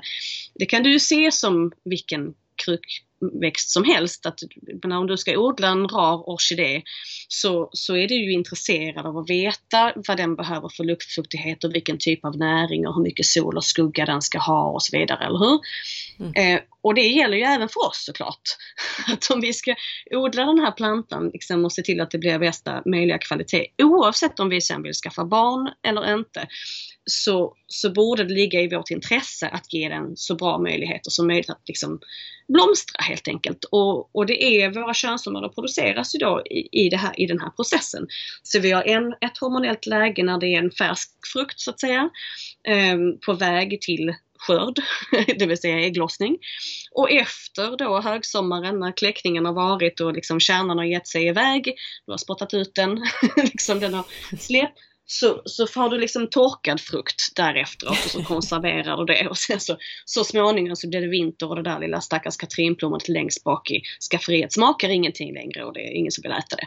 Så, och där har vi mensen. Så jag förklarar hela den här menscykeln som liksom ett, ett, ett odlingsår mer eller mindre. Och i princip alla menscykelrelaterade problem, alltså oavsett om det är sen är PCOS eller stora syster eller mensvärk eller, eller PMS eller så, är ju problem liksom i den här mognadsprocessen, utvecklingen och mognaden. Eh, och, och där får man ju försöka hitta, okej okay, var, var går det snett? Eh, och många gånger så är det ju på väg till ägglossningen för som sagt blir det missväxt. för att det var, det var jävligt kallt i maj och det var hagelstormar och det var liksom insektsangrepp och så var vi tvungna att spraya hela fältet med Roundup. Liksom. Och, det är liknelse där är väl antibiotika om du tänker förstå vad jag menar. Så, så kommer du ju inte ha ett lika bra ägg, så är det ju bara. Och det kommer påverka hormonuttrycket då. Därför att då får du kanske små hårda gröna frysskadade frukter istället för saftiga djuplila plommon exempelvis. Och, då, och det, det har ju sina uttryck i kroppen så att där i den här liksom, dels då utvecklingen och dels transformationen när du liksom ska, du ska få ut den här kärnan, du ska, du, alltså frukten måste ju liksom släppa ut så att säga, släppa från grenen. och du måste också genomgå en, en intensiv transformation i ägglossningen. Där den här folliken ska bli vad som kallas för gulkroppen. Eh, och gulkroppen är det som liksom styr den andra delen av cykeln och gulkroppens jobb är att producera ditt andra dominanta könshormon progesteron. Så du har mer östrogen, är liksom, det är mer östrogendominant fas av cykeln under den första delen, det vill säga follikulärfasen. Och i lutealfasen så ska du ha mest progesteron. Och när de här är i obalans på något sätt så kommer du att märka av det. Eh, och det kan då vara på alla möjliga olika sätt och det är där man kan börja pinpointa. Så förstår man den utvecklingen och transformationen som är ägglossningen och hur man kan stötta den, då, då kan man börja liksom, vad ska man säga, punktmarkera där man verkligen hade behövt eh, göra insatser. Så att lite grann för att komma tillbaka till många av de här vanliga problemen då som man ofta rekommenderas att använda p-piller mot allt från finnar till tunga blödningar och järnbrist och så vidare.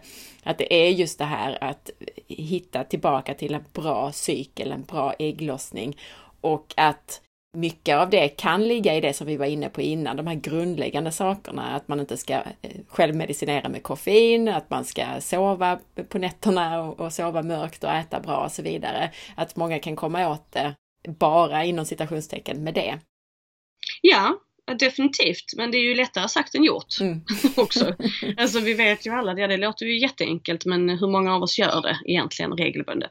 Mm. Så att, så att där, där vet jag att det är verkligen, jag, jag, är inte det bästa exemplet på att verkligen leva upp till detta, gud nej. Men jag kan också, i och med att jag vet hur kroppen funkar, jag vet hur hormonerna eh, liksom utvecklas, produceras och hanteras i kroppen. Så lite tillbaka till det som jag nämnde i början om graviditetsillamående och levern. Jag vet ju med mig att sover inte jag på natten då får jag östrogendominans. Därför att då kan inte min lever processa östrogenet och illa nerbrutet östrogen är farligt. Så illa nedbrutet östrogen, det är där vi har liksom de här farliga östrogenmetaboliterna som är associerade med bröstcancer och allt möjligt annat otrevligt. Eh, och där behöver man ju förstå skillnaden mellan en frisk östrogenproduktion och en jävligt dålig östrogenhantering. Så att som sagt, var du lägger dina insatser kommer ju bero lite på men, vad är din livssituation och hur reagerar du på saker? Och det är där fertilitetsförståelse, en grundläggande liksom, fertilitetsförståelse är otroligt hjälpsamt för att bara få den översikten och kunna liksom se mönster i form av att shit, om jag dricker vin där och är uppe sent där, då, då får jag alltid de här symptomen. Jaha, liksom äter jag socker där så får jag svamp. Och, ja, men, så så det, den översikten är helt ovärderlig. Det känns ändå som att vi kan summera det lite grann som att p-piller då, när det rekommenderas på det här sättet, är liksom väldigt många andra läkemedel. Jag tror många lyssnare är medvetna om det här, att det är just det här symptomlindring, symptomlindring, alltså allt från ja, blodförtunnande till eh, blodtryckssänkande och så vidare. Så många går ju på massor med, med läkemedel och att använda p-piller på det här sättet skulle också vara symptomlindring. Att okej, okay, ja men eh, nu minskar vi dina blödningar, vi har ingen annan utväg lite grann. Ja, ja definitivt. Och jag menar, det finns ett jättestort värde i det också. Men, men alltså, symptomlindring, det här är en väldigt aggressiv form av symptomlindring. Det är liksom en symptomlindring som verkligen tar bort en hel kroppsfunktion. Mm. Eh, så att, så att återigen, inget ont om den som behöver använda p-piller av olika anledningar för att det känns som att det är det enda jag kan göra just nu. Men som sagt ur, en, ur ett läkande perspektiv så, så åstadkommer det ju ingenting. Eh, och förmodligen så är det ännu mer negativa effekter än vad vi är medvetna om. För som sagt, vi, vi vet inte ens allting som ägglossningen är bra för. Så vi kan inte förstå hur mycket som egentligen vi kanske går miste om när vi, när vi stänger ner ägglossningen. Nu har vi ju pratat lite då om att man använder p-piller mot allt det där. Men kan vi ta upp några andra preventivmedel och effekterna av dem? Eller framför allt kärnfrågan är väl egentligen, finns det några preventivmedel som är okej okay att använda? Eller är naturlig fertilitetsförståelse eh, det enda som är okej? Okay? Jag, alltså jag, jag, har aldrig varit förtjust i den här frågan för att varje gång jag får den så är det alltid någon som vill, som vill komma åt mig på något sätt. Som vill få mig att säga någonting som jag inte borde säga. Nej men, men så här, alltså alla preventivmedel har ju sina baksidor på olika sätt, så är det. Det gäller även fertilitetsförståelse som sagt för det är helt användarberoende så det betyder att du måste ha en kontroll som du kanske inte vill ha alla dagar, speciellt inte när du är jättekåt. men, men eh, om vi tar liksom de hormonstörande preventivmedlen så är ju majoriteten av de här, alltså p-piller, p-stav, p-ring, p-plåster, alltså alla de här, de har ju som syfte att stänga ner ägglossningen. Så där är ju en hel liksom, grupp där som är, alltså funktionen är densamma oavsett vilket, liksom, ifall du får det genom ett plåster eller en spruta eller vad du nu gör. Um, så de kan vi liksom klumpa ihop där och sen har vi några som också är hormonstörande men som eventuellt skulle kunna släppa igenom en ägglossning då och då. Och det är hormonspiral och, och minipiller som ändå skulle kunna, liksom, men det är fortfarande hormonstörande. Alltså de, de, har en hormonstörande effekt och många reagerar väldigt negativt när jag säger det. Jag tycker att, oh liksom, ja men vad negativ du är och det här, det, nu, nu osar det skrämselpropaganda här och så. Ja, men, jag säger hormonstörande för att det är det de är. Alltså det, det är det som är hela poängen. Det är inte för att jag vill vara liksom, svartmålade utan det är funktionen. Om du inte stör hormonerna så får du ingen preventiv effekt. Så enkelt är det. så så liksom, på engelska hade jag sagt endocrine disruptor. Liksom. Det, alltså det, det, är inte alls för att vara extra eh, lite extra negativt utan alltså- det är det, så deras funktion är. Eh, och, och, det har ju som sagt sina effekter eh, i olika grad då. Och det vet vi även, jag menar, någon som går på p-piller som eh, då helst ska stänga ner ägglossningen. Det är ju det som är poängen och det kan ju inte pillret göra om det inte stör dina hormoner. Men ibland så stör det inte hormonerna tillräckligt mycket och så blir personen gravid trots att de går på p-piller. Så att där måste vi också liksom ta i beaktande att vikt och hälsa och hur robust ditt, ditt liksom reproduktionssystem var innan du började på de här preventivmedlen spelar ju självklart in för hur bra effekt du får.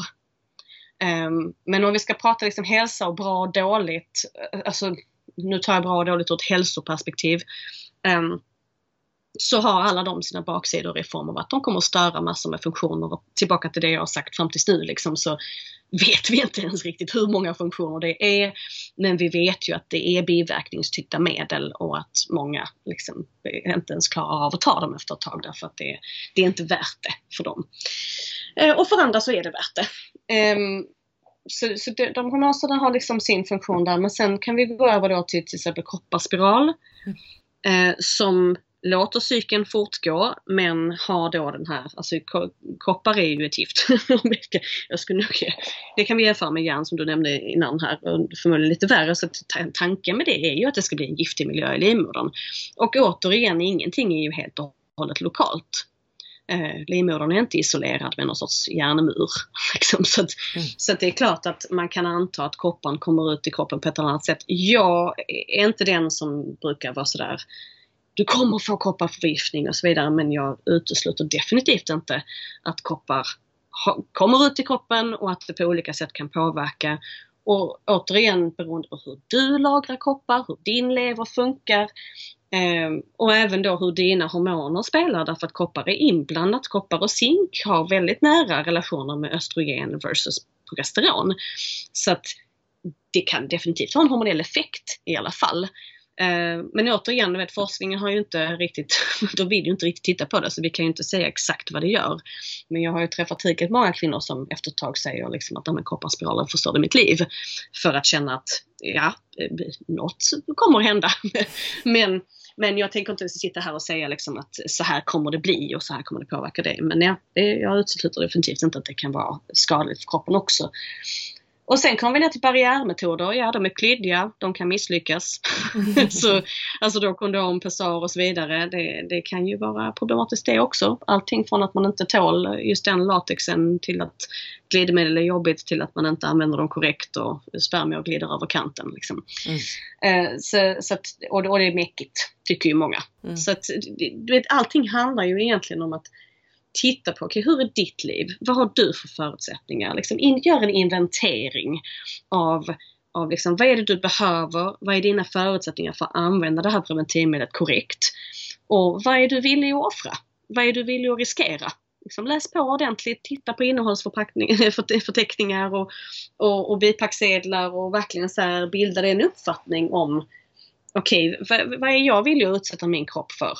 I det här avseendet. Så jag, menar, jag kan inte heller sitta och säga att ja, men fertilitetsförståelse är det bästa i alla lägen. Men det är ju det minst biverkningstyngda om du ser till alltså in, hur invasiva de andra metoderna är. Jag tolkar det som så att om vi bara ser utifrån ett hälsoperspektiv så är det just det här naturlig fertilitetsförståelse i kombination då om man nu vill ha penetrationssamlag under eh, sin fertila period, sin ägglossningsperiod så att säga, att man då använder en barriärmetod. Eller barriär och avbrutet ska sägas, för ibland kan det vara värt det, säger jag som har blivit gravid med kondom.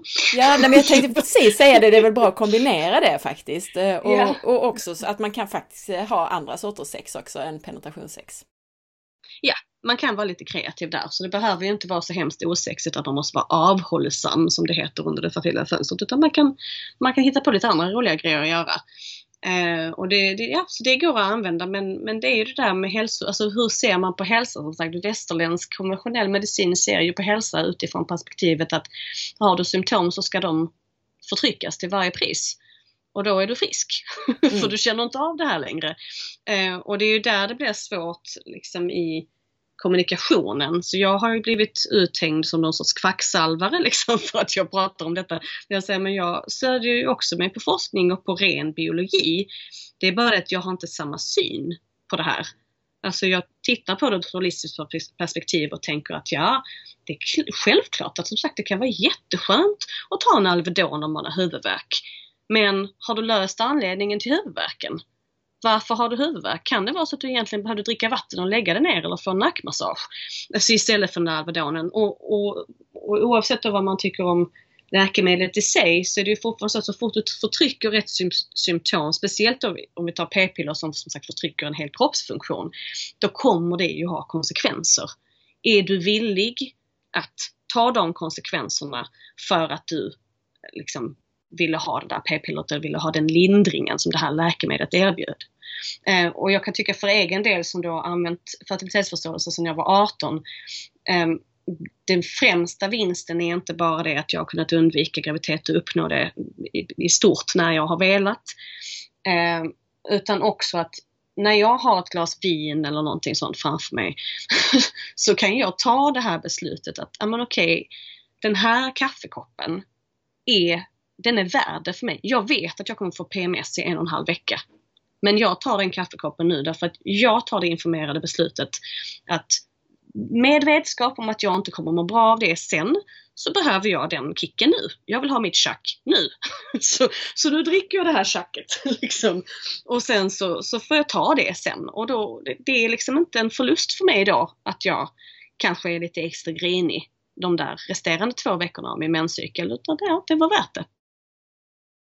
Och det du säger här, det är ju det jag också förespråkar, det här att när du får symptom så är det ju kroppen som talar om någonting och det är ju fantastiskt värdefullt att på något sätt kunna härleda de symptomen, att kunna lyssna på de symptomen istället för att medicinera bort dem. Precis. Jättebra Jenny. Jag vet att vi behöver avsluta här. Jag tänkte bara, är det någonting först och främst som du tycker att vi har missat? Mm, ett perspektiv som jag skulle vilja liksom bara lämna som en så tankeställare och som jag utvecklar mer i boken. Det är ju att utifrån allt det vi har snackat om nu med hormoner och hur, hur långt deras effekter egentligen sträcker sig och hur mycket de påverkar vår livskvalitet och, och vår livsupplevelse faktiskt. Så är det någonting som jag liksom avslutar min bok med lite det här när vi sätter alla unga tjejer på p-piller, mer eller mindre, för minsta finne pojkvän eller samlag. så får de liksom det. Eh, och därmed så förändrar du också väldigt mycket. Du förändrar faktiskt alltså hjärnan, du förändrar utvecklingen av saker och ting, du förändrar sexlust. Du förändrar, alltså det är så många saker som sagt som blir påverkade.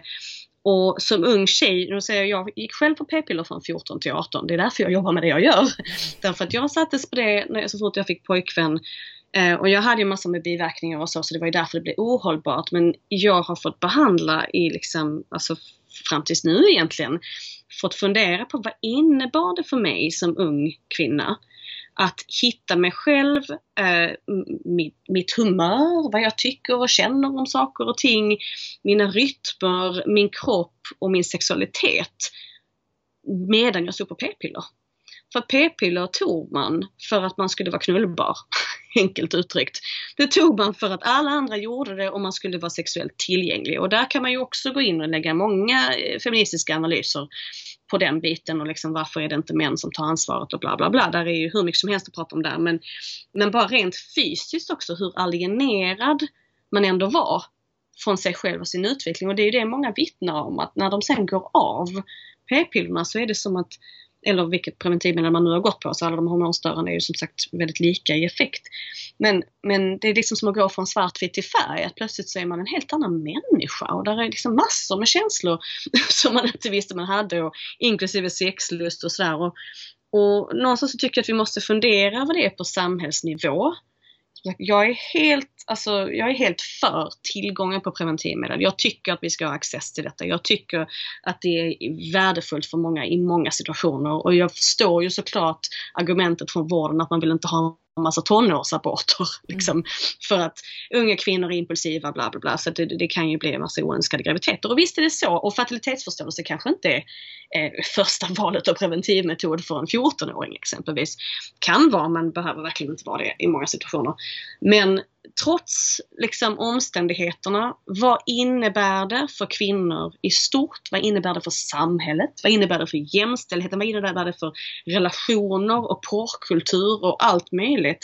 Att vi faktiskt har detta som norm. Vi sätts på de här medlen väldigt tidigt och sen så vet vi inte egentligen hur mycket det påverkar oss. och vi vet inte vem vi var. Vi hade inte hittat oss själva innan vi började med dem. Och det kan ju ha så otroliga effekter. Vi vet att det påverkar. Det finns en bok som heter eh, This is your brain on birth control. Exempelvis där man kan titta på liksom hur mycket det egentligen är som förändras. Eh, och det här vet vi. Vi vet att man har större eh, risk att bli deprimerad och massa sådana liksom, vetenskapligt bevisliga grejer som förstås har en jätteimpact i kvinnors liv. Och många av oss står ju på de här preventivmedlen fram tills vi vill ha barn. Vad innebär det för våra relationer? Vad innebär det för våra barn? Vad innebär det för liksom vår, vår självkänsla och relation med våra kroppar? Så det, återigen, det handlar inte om att jag vill säga till någon vad de ska göra eller vad som är bra eller dåligt, men jag tycker det är märkligt att vi inte har den här diskussionen på den skala som jag tycker är är liksom tillbörligt i det här läget. Tusen tack för att du tar upp de aspekterna, jätteviktiga aspekter. Jag kan bara hålla med om att jag har hört så många som har gått på p-piller i massor med år och så slutar de och så säger de oj, kunde jag må så här? Helt plötsligt så har jag liksom en, en glädje som jag inte har känt på flera år. Ja. Din bok måste vi ju, alltså vad heter den och när kommer den och var får man tag på den? Den heter Fertilitetsförståelse helt enkelt, så det är ganska lätt mm. att hitta. Eh, den kommer ut nu i april och den ska finnas i alla bokhandlar och så. Så att eh, det ska förhoppningsvis inte bli svårt att hitta om de inte bestämmer sig för att bränna den på något bål någonstans. Och var hittar man dig Jenny? Om man, jag tror många vet det redan, men för säkerhets skull om man inte känner till det, var hittar yeah. man dig? Alltså jag, jag kallar mig själv för Vulverin, alltså Vulverine. Eh, och eh, har en hemsida, vulverin.se, har, eh, har ju Insta, Vulverin kurs och Vulverin. Den som bara heter Vulverin är mitt engelska konto, där händer inte så mycket än så länge men när, när boken är översatt så kommer jag expandera den engelska biten. Eh, det kommer att hända förhoppningsvis ganska snart. Eh, men Vulverin kurs är min Insta och det är egentligen där jag är mest aktiv skulle jag säga. Ja, där finns jättemycket matnyttigt. Ja, och sen är det ju om man vill gå djupare och verkligen jobba med sin egen hälsa så är det ju mina föreläsningar och då är det ju BOON, alltså B-O-O-N .tv slash vulverin. Där har jag lagt upp till dags dato 42 föreläsningar på kring alltså 90 minuter till 2,5 timme om alla möjliga olika grejer. Det är om östrogener, och och PCOS och graviditet och postpartum och sköldkörteln och allt möjligt. Så att där eh, finns ju en guldgruva till ett billigt pris också om man känner att man vill lyssna på vad jag har att säga om saker och ting. Toppen! Och jag vill också rekommendera vårt förra avsnitt där 265 och också då 263 och 264 som vi gjorde med din kollega får man säga, Disseminör. Tusen, tusen tack Jenny för att du tog dig tid och eh, trots att eh, det blev lite förseningar här idag, att du var så generös med din tid och dina råd. Det är inga problem. Alltid kul att vara med. Tack så mycket. Missa inte att det kommer tre härliga avsnitt om kinesisk medicin som jag har längtat så efter att släppa. Tre veckor i rad täcker vi in både grunderna inom traditionell kinesisk medicin och får dessutom konkreta tips och pratar kinesisk kostlära och mycket annat. Jag älskar de här avsnitten och hoppas att du också kommer att göra det. Vet du att det finns nyttig och god fryspizza utan spannmål och gluten med bottnar på bland annat lokalodlad vitkål? Pizzorna är näringsrika, 100% naturliga och dessutom både low carb, fiberrika och proteinrika. For Real Foods finns i frysdisken hos utvalda ICA och Coop-butiker eller som hemleverans på mathem.se och forrealfoods.se.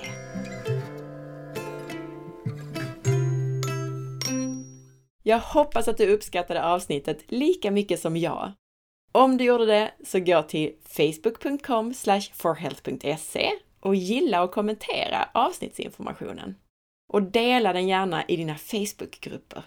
Missa inte heller att följa med på Instagram via asparre. Och gör som Squadra och gå in i iTunes eller i din app i telefonen och lämna en recension för podcasten For Health med Anna Sparre. Tänk på att du måste söka fram podden med sökfunktionen för att kunna lämna recensioner, även om du redan prenumererar. Squadra skriver i iTunes. Perfekt för min nyfikenhet! En podd för dig som är nyfiken på livet, fylld med bra saker för kropp och själ. En skattkammare för mitt nyfikna jag. Bara att sätta i hörlurarna och trycka på play. Tack Anna! Tack för att du lyssnade! Ha en underbar dag så hörs vi snart igen. Hej då!